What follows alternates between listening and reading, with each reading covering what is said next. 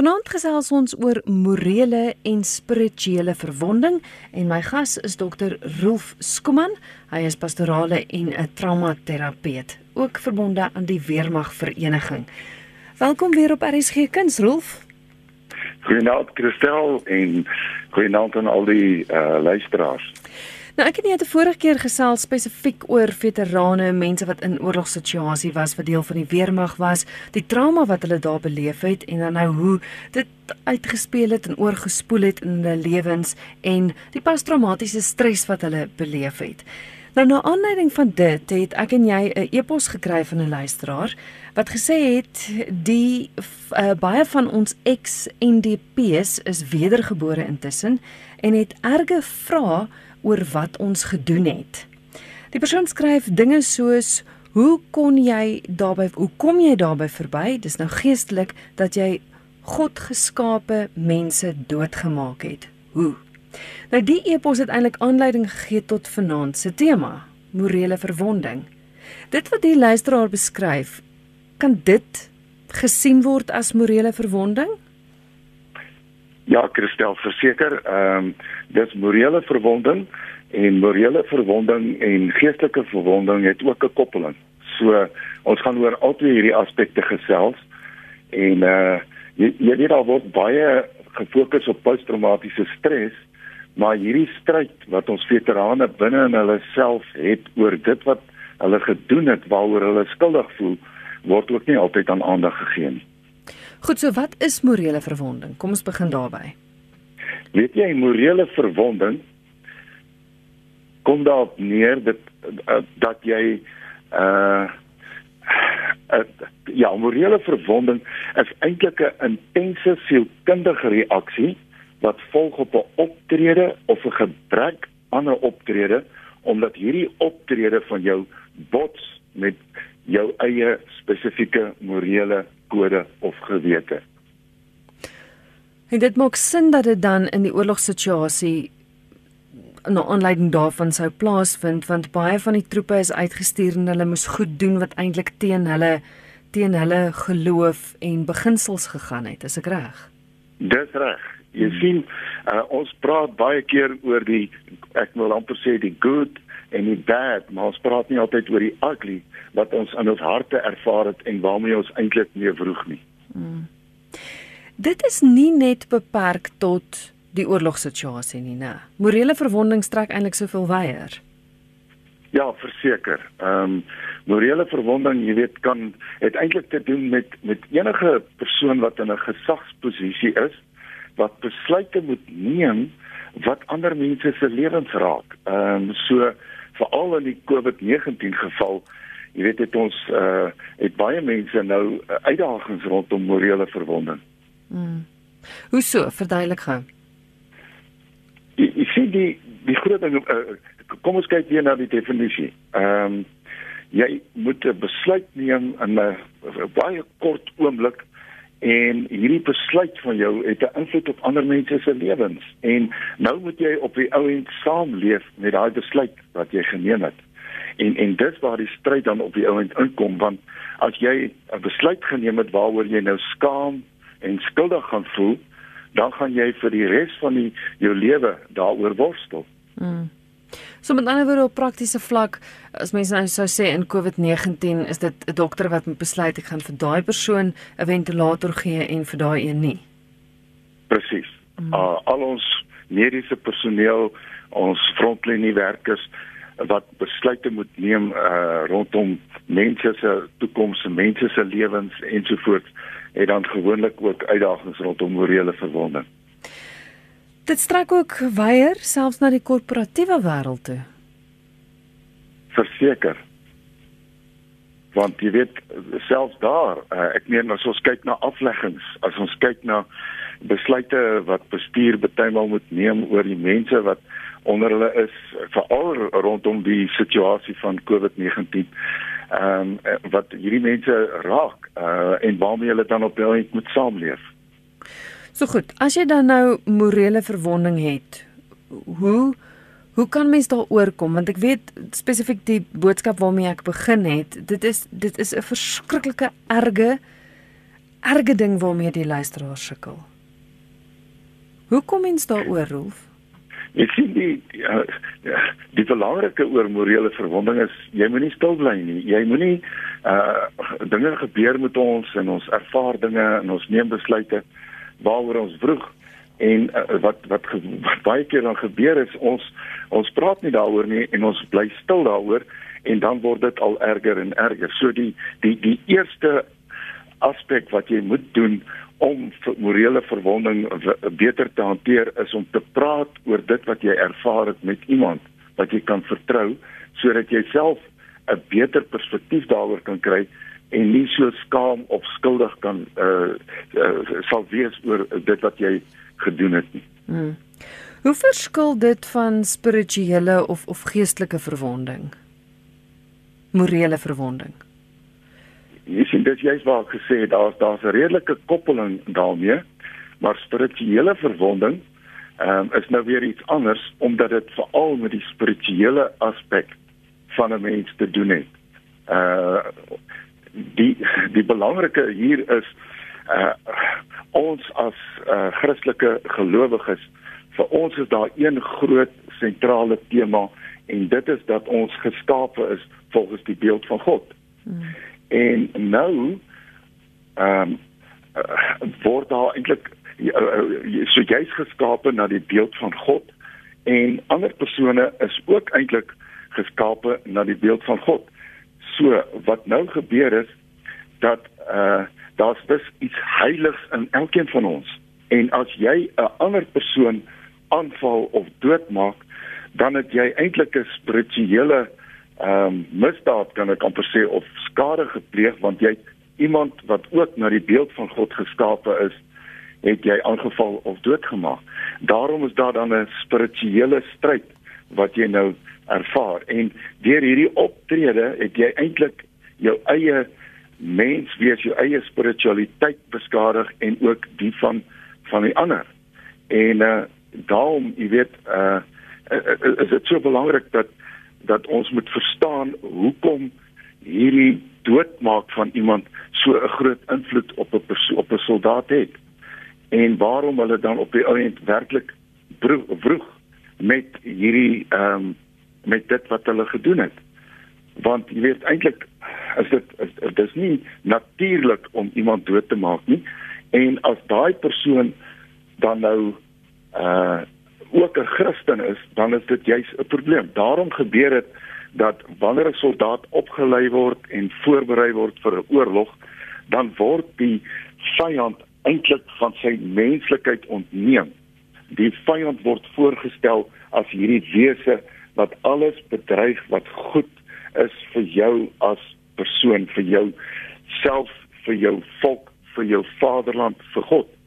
En daarom kan jy hierdie persoon nou doodmaak want jy moet hierdie jy sien hierdie persoon as 'n laer wese as wat jy werklik is. So wat nou gebeur is as ons dink aan ons eie konteks ehm um, daar's vir ons gesê dat die uh ons gaan veg teen die kommuniste ons gaan veg teen die terroriste um, en hulle is ons vyand en hulle bedreig alles wat goed is. En daarom kan jy voel maar dis nou reg om hierdie persoon dood te maak. Hmm. Maar die oomblik as jy uitvind dat hierdie persoon ook 'n Christen is, dan het jy nou 'n werklike konflik in jouself want nou het jy dan ook 'n kind van God doodgemaak. Daarom uh het dit gebeur dat van ons soldate wat in die slagveld ehm um, in die sak van 'n van 'n ander soldaat 'n Bybeltjie kry werklike geestelike verwonding opgedoen het want skielik het hulle besef maar hierdie vyand is ook 'n Christen en ek het eintlik ook nou iemand wat na die beeld van God geskape is gedood en om daai rede het hulle dan hierdie innerlike wroging in hulle. Hmm. Want dis 'n luisteraar wat self sê ek het moord gepleeg. Ja, dis presies dit. Mm. En jy sien die probleem wat ons het en nou gaan ek weer 'n bietjie terugspring na morele verwonding is dat ons as soldate word opgelei en ook 'n uniform gegee en ook toestemming gegee om moord te kan pleeg.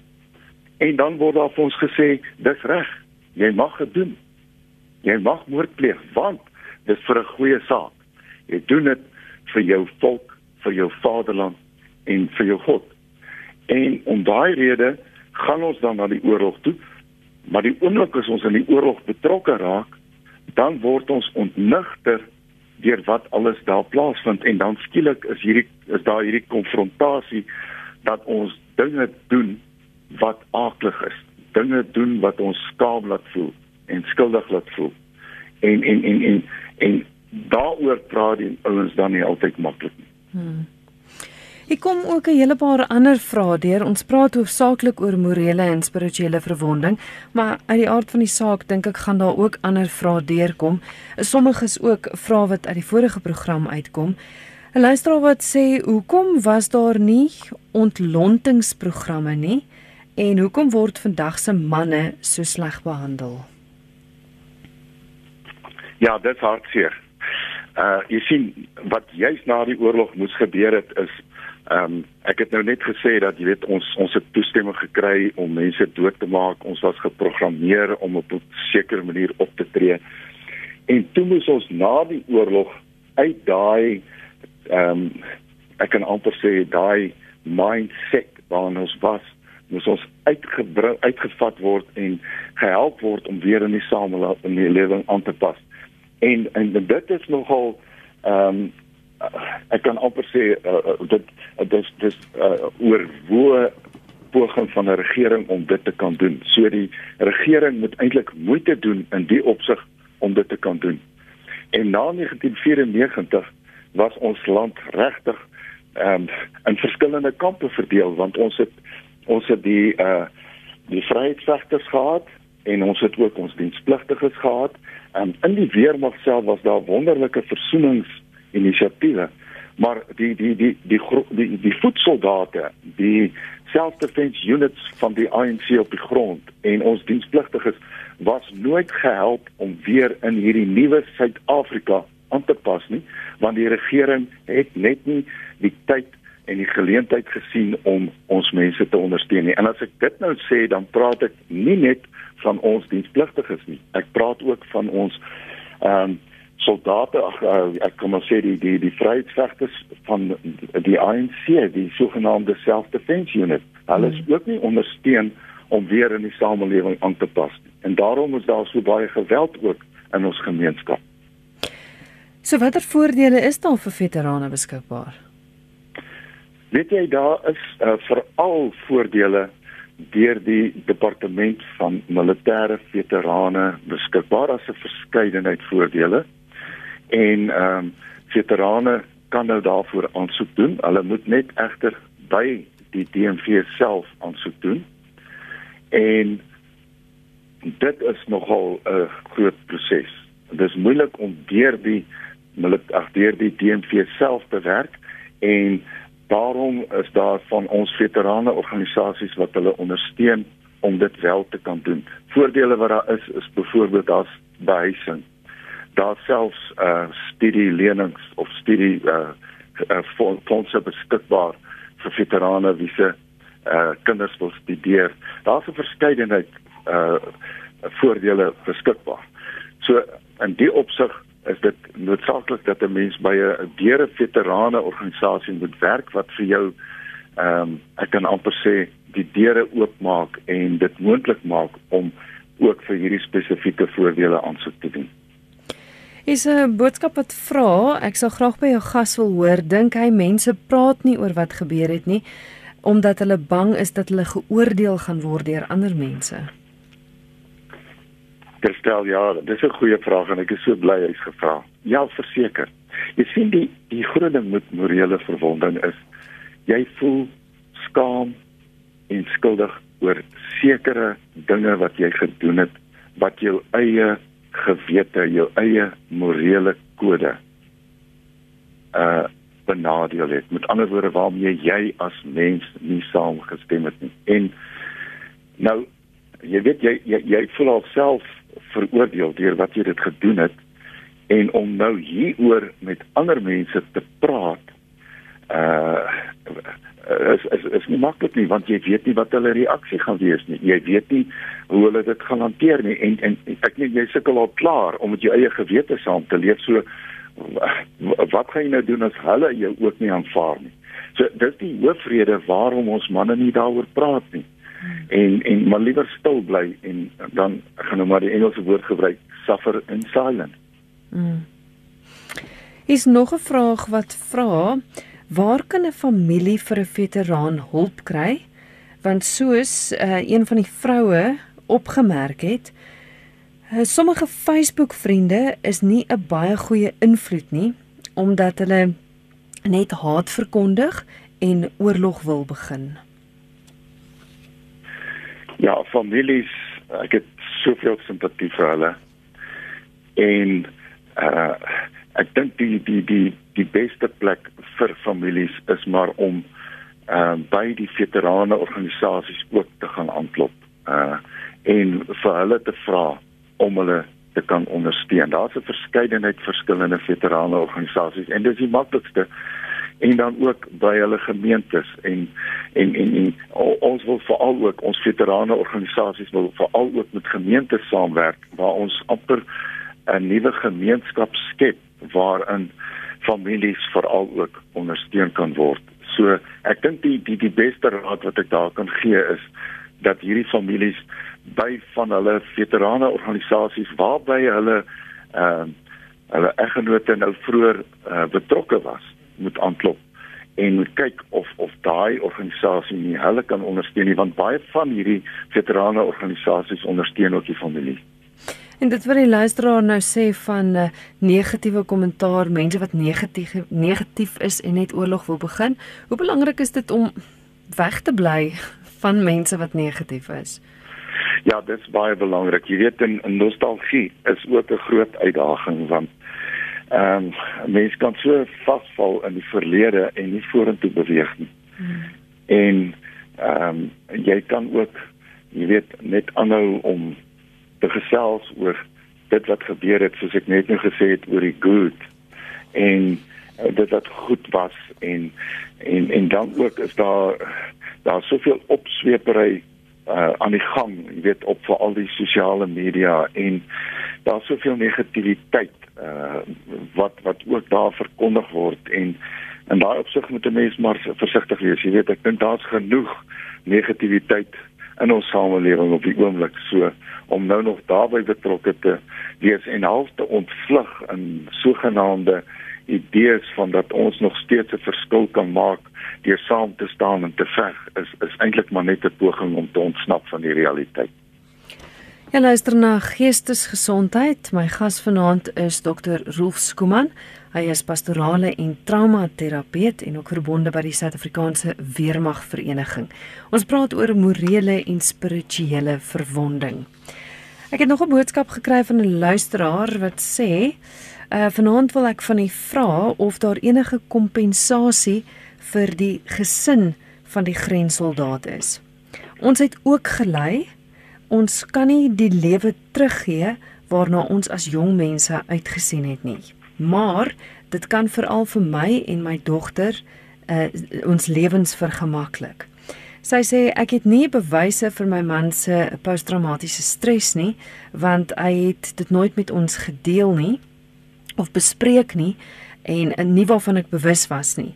Sy internis het wel na sy dood aan my genoem dat hy maar baie uh, dat hy 'n harde kop was. Uh dan sê sy ook dit wat ek hier sê is eerlik en opreg in kort die mislukte lewe wat ons gehad het na sy grensdiens. Is daar kompensasie? Ja, weet jy, Kirstel, dis die dis die jammer van die hele situasie. Ongelukkig is daar geen kompensasie vir die families nie en my hart bloei regtig vir hulle want hulle is nogal aan die ontvangkant van baie van die trauma wat van ons uh veterane ervaar maar ongelukkig is daar geen kompensasie nie en ek wil ook sommer hier waarsku daar is baie uh sogenaamde veterane organisasies wat allerlei beloftes maak en voorgee dat hulle veterane en selfs familie kan ondersteun en hulle moet baie versigtig wees daaroor. Uh die voordele byvoorbeeld wat daar by die DNV beskikbaar is, is net vir die veteraan self. Daar is nou wel soos ek gesê het moontlike uh, uh studiebeurse uh vir vir van die veterane wat, wat as hulle aansoek daarvoor, maar dit is eintlik al wat vir die families beskikbaar is. So dit jammer, maar dit is ongelukkig sodat daar geen kompensasie is. Hier's 'n luisteraar wat per SMS vra daar uit Ermelo. Dis Loukie wat sê, "Ehm um, is jy geregtig op mediese voordeel en hoe doen jy aansoek daarvoor?"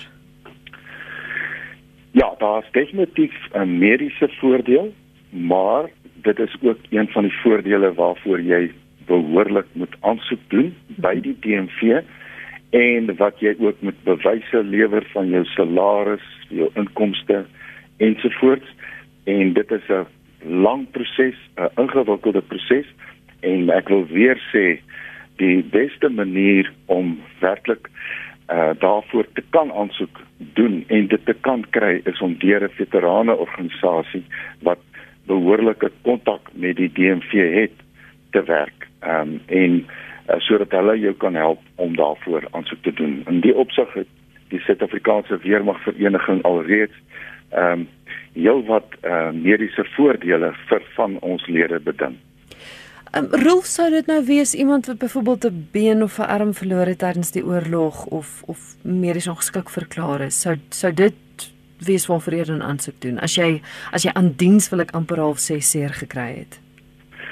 Weet jy nie as jy aan diens seer gekry het, dan kan jy direk uh by die die weermag self aansoek doen vir kompensasie. Ehm mm um, en daarom posttraumatiese stres word ook beskou as 'n besering aan diens en jy kan ook aansoek doen vir kompensasie en dan ook verdere uh berading. So ja, dit geld definitief daarvoor en enige persoon wat kan bewys dat hy tydens enige operasie beseer was aan diens kan aansoek doen vir open uh vir uh kompensasie. Goed. Loukie kry so lank 'n pen en papier gereed want aan die einde van die program gaan ons wel Rolf se kontak besonderhede gee en hy sal dan help om by die regte ehm um, veterane vereniging aan te sluit.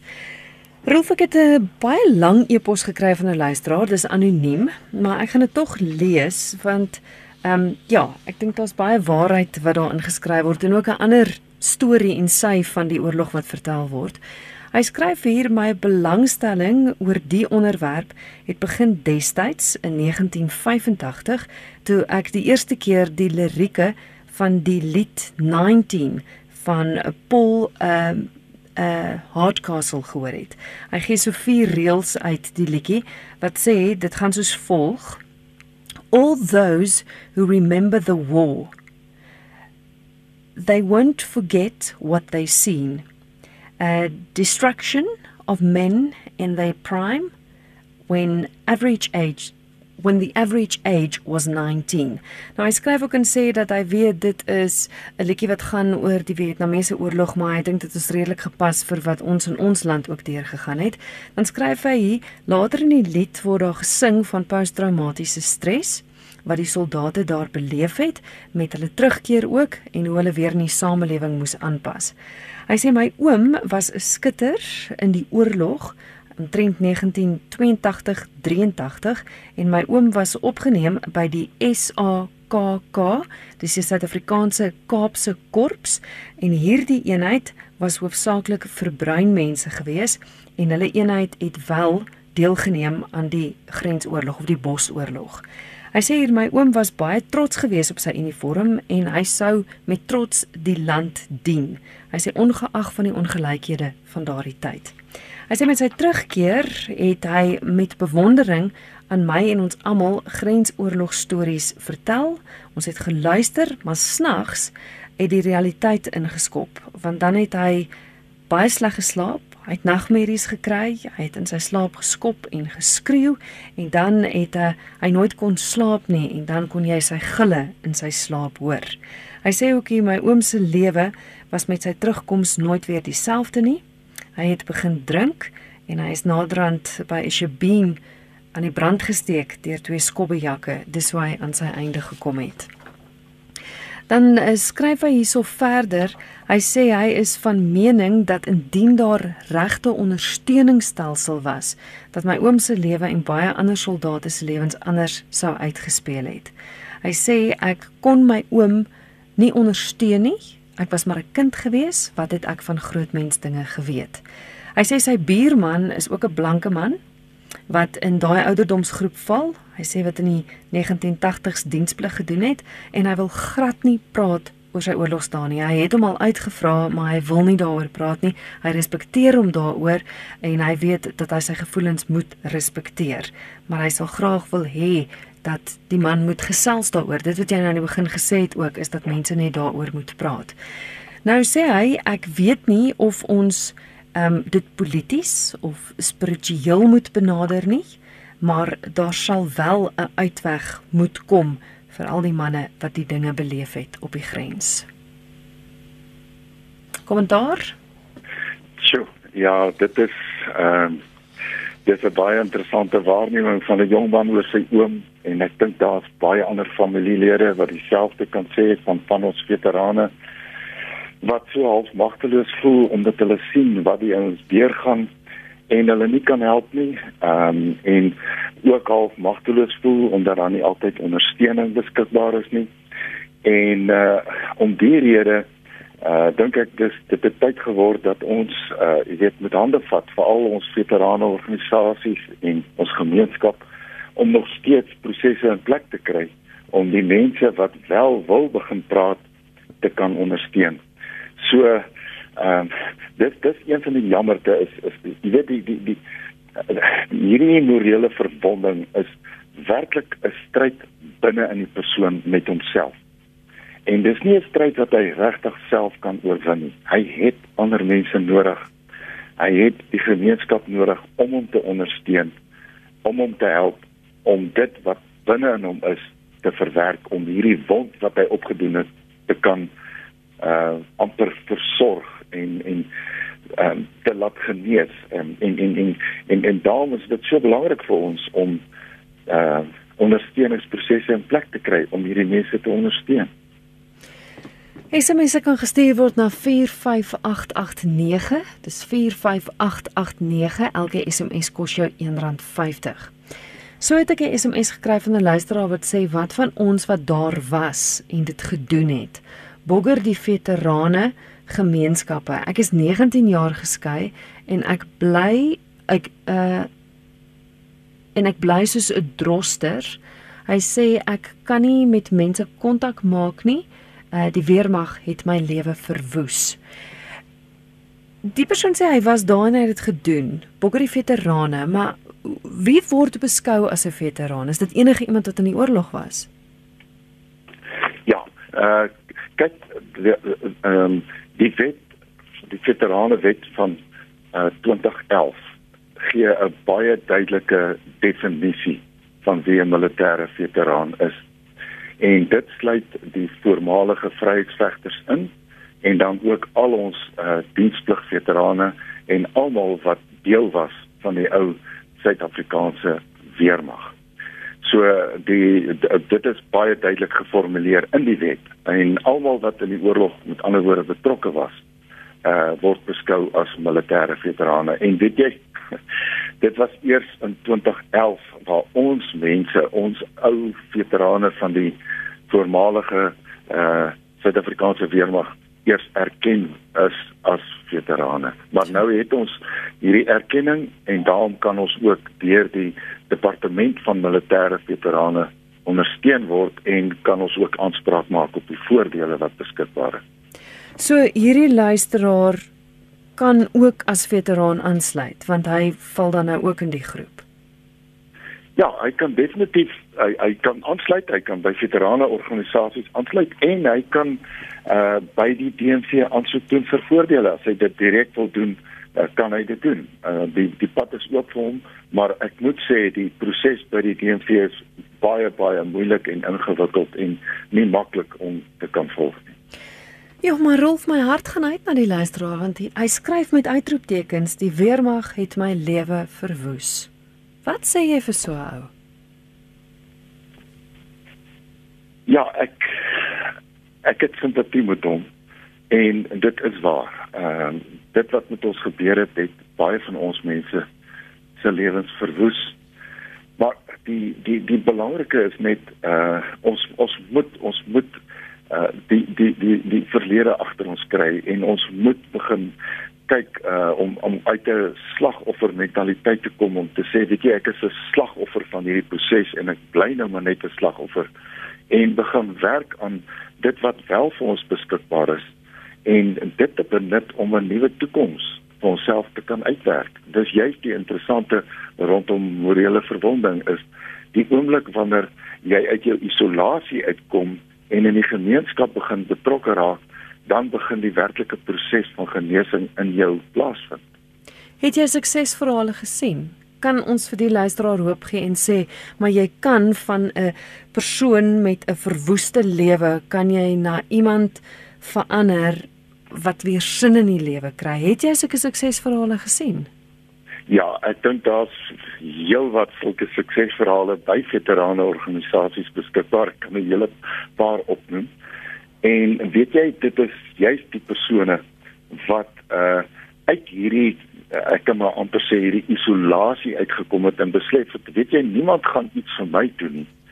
Ek moet self uitkom. Ek moet self iets begin doen en dan ook by veterane organisasies betrokke geraak het, die ondersteuning begin benut het wat vir hulle beskikbaar was en ook 'n uh, nuwe toekoms begin uh, begin bou het. Ehm um, daar's daar's heelwat sulke voorbeelde.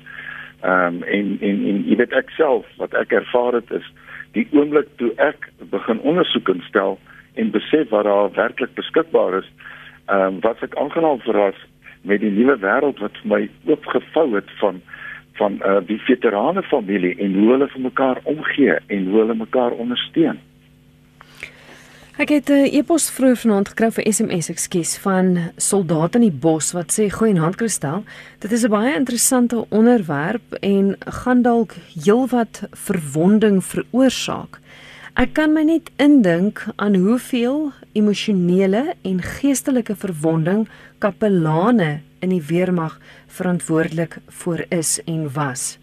Wat soldate deur gebed aangemoedig het en bemoedig het om die vyand te elimineer wat God vers, wat God verstaan en hy weet hoekom hulle dit doen wat hulle moes doen. Ja, dit is nogals interessant. 'n Kapelaan? Ja. Jo. Ja, dis dis dis baie interessant en en en weet jy ek ek moet dit ook noem na 1994 was baie van ons veterane baie teleurgestel in die ondersteuning van die kerk en die ondersteuning van die kapelane want ons het hierdie morele verwonding gehad, jy weet hierdie spirituele stryd binne in ons, hierdie morele stryd binne in ons.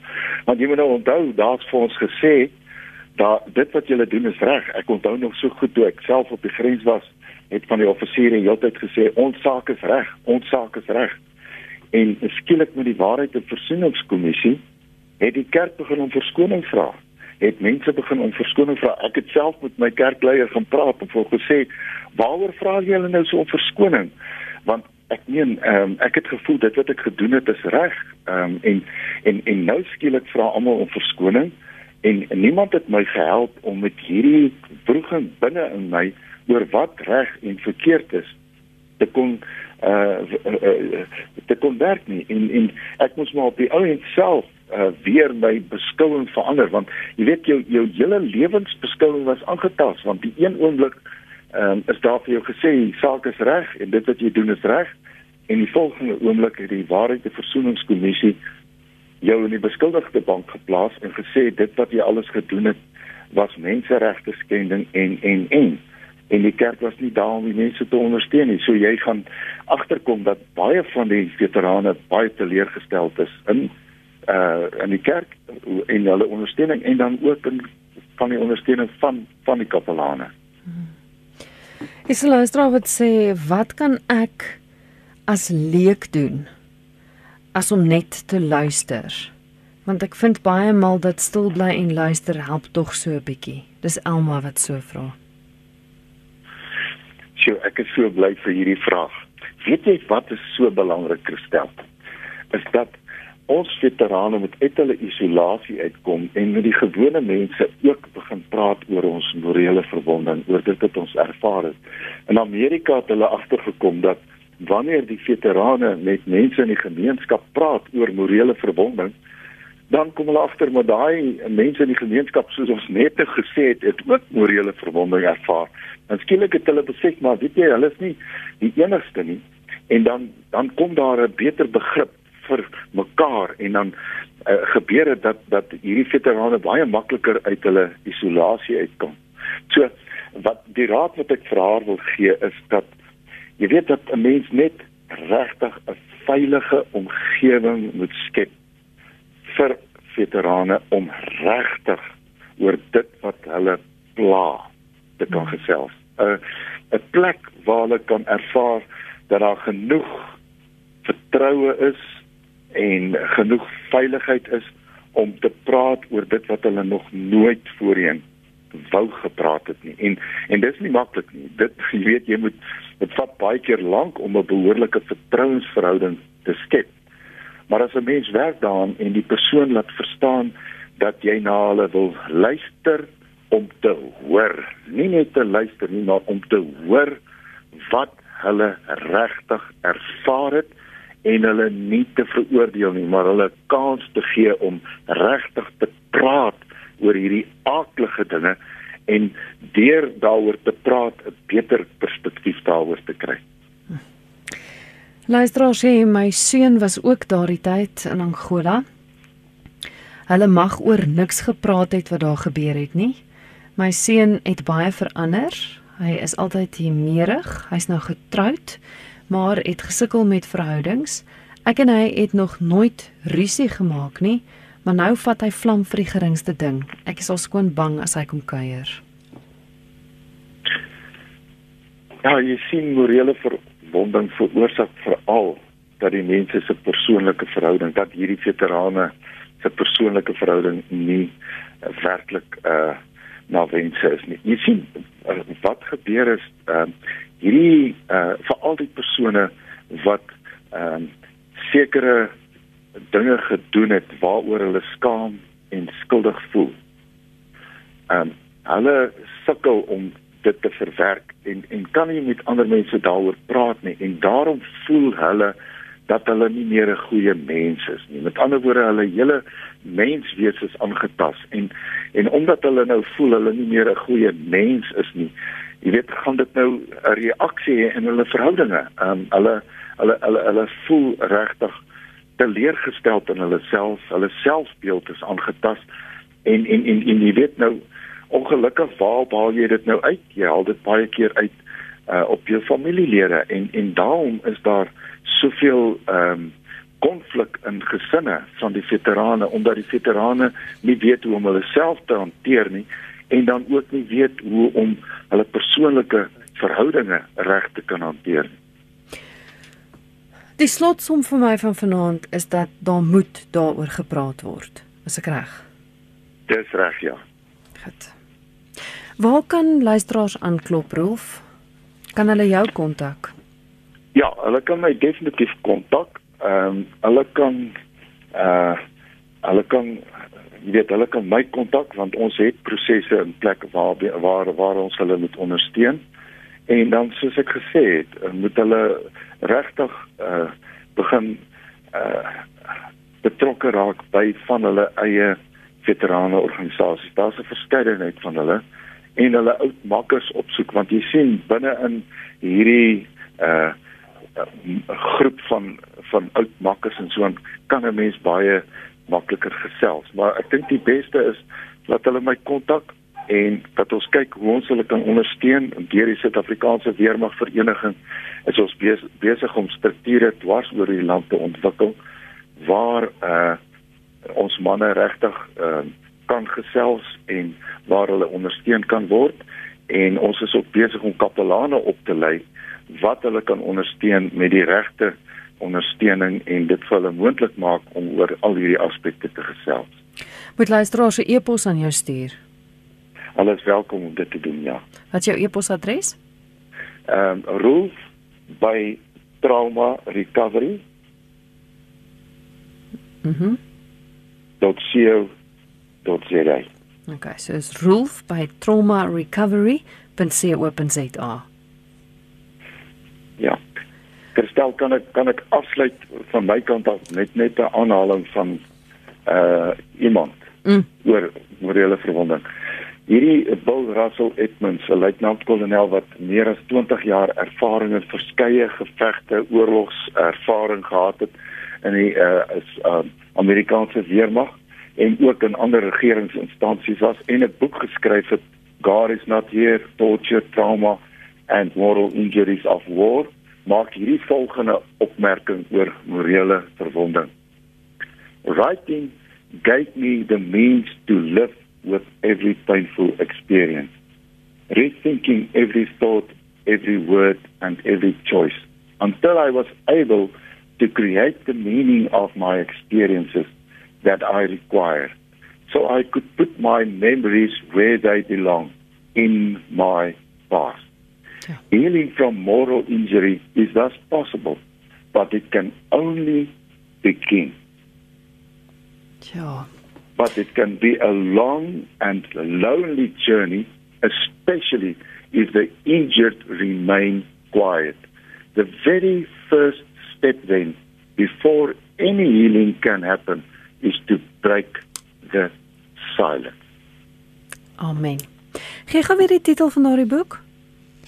Die boek se naam is God is not here, torture, trauma and the moral injuries of war. Goed. En wie het dit geskryf? Dit is uh Bill Russell Edmonds. Goed. Baie dankie vir vanaand se wyse raad en ja, sommer net om te weet dat daar hulp is. Dat uh, ja, ons kan help om 'n gemeenskap gesond te maak. Dankie, Rolf. Dis 'n groot plesier. Ek het gesels met Dr. Rolf Skuman. Hy is 'n pastorale en traumaterapeut en hy is ook verbonde aan die Suid-Afrikaanse Weermag Vereniging. Ons het dan vanaand gesels oor morele en spirituele verwonding. Net gou Rolf se e-posadres, dis rolf@traumarecovery.co.za en uh, jy kan ook natuurlik 'n e-pos vir my stuur as jy nie gou genoeg die besonderhede kon neerskryf nie. Ek skryf Kerstel by rsg.co.za.